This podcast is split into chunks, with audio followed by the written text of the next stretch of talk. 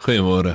Ons het gedurende hierdie week gekuier oor drie stories in Lukas 15 van hoe God op soek is na gewone mense en hoe God naby gekom het aan mense wat ver voel van hom af.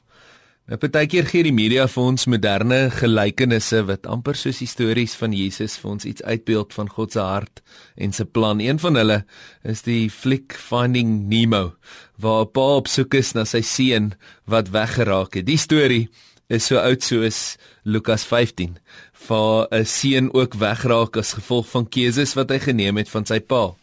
En as Jesus hierdie gelykenis vertel, dan vertel hy van vers 11 tot vers 20 die storie van hierdie jong man wat 'n besluit geneem het om sy besittings te vat en sy eie kop en eie pad te volg en uiteindelik gaan dit dan swaar en bevind hy homself in moeilike omstandighede waar hy wonder oor sy huis. Hy wonder oor sy pa en besef dan op 'n stadium kom tot inkeer tot homself en sê my pa het wie weet hoeveel dagloners en hulle het almal oorgenoeg kos en hier vergaan ek van die honger.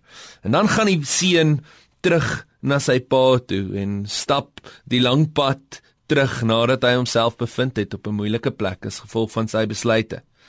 Dalk is jy in 'n posisie vandag waar jy jouself bevind op 'n moeilike plek jy het 'n paar besluite geneem, 'n paar kansse gevat en jy besef dit het nie uitgewerk soos jy gehoop het dit sou nie of dalk jy net op 'n plek van swaar kry of moeilik of emosionele alleenheid en besef jy dat jy het droog gemaak, jy het weggekom.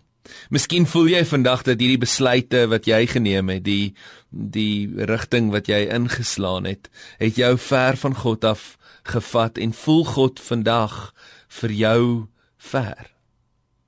Die realiteit is egter dat God is nie ver van een van ons af nie. So naby naby aan jou soos hierdie radiogolwe wat jou radiotoestel optel en en aan jou aan jou kommunikeer. So naby soos hierdie golwe wat eintlik oral om en deur ons is. So naby is God aan elkeen van ons.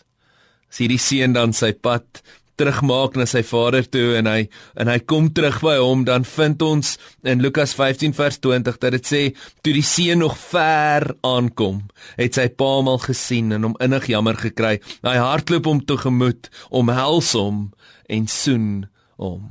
Hoe die pa hom op 'n verte al gesien want die pa was heeltyd daar besig om te wag vir die seun om terug te kom na hom toe. Ons besluite kan ons nie skei van die liefde van God nie. Draai vandag nog terug na hom toe, want hy staan reg om jou tegemoet te hardloop, jou te omhels en jou naby aan hom vas te druk.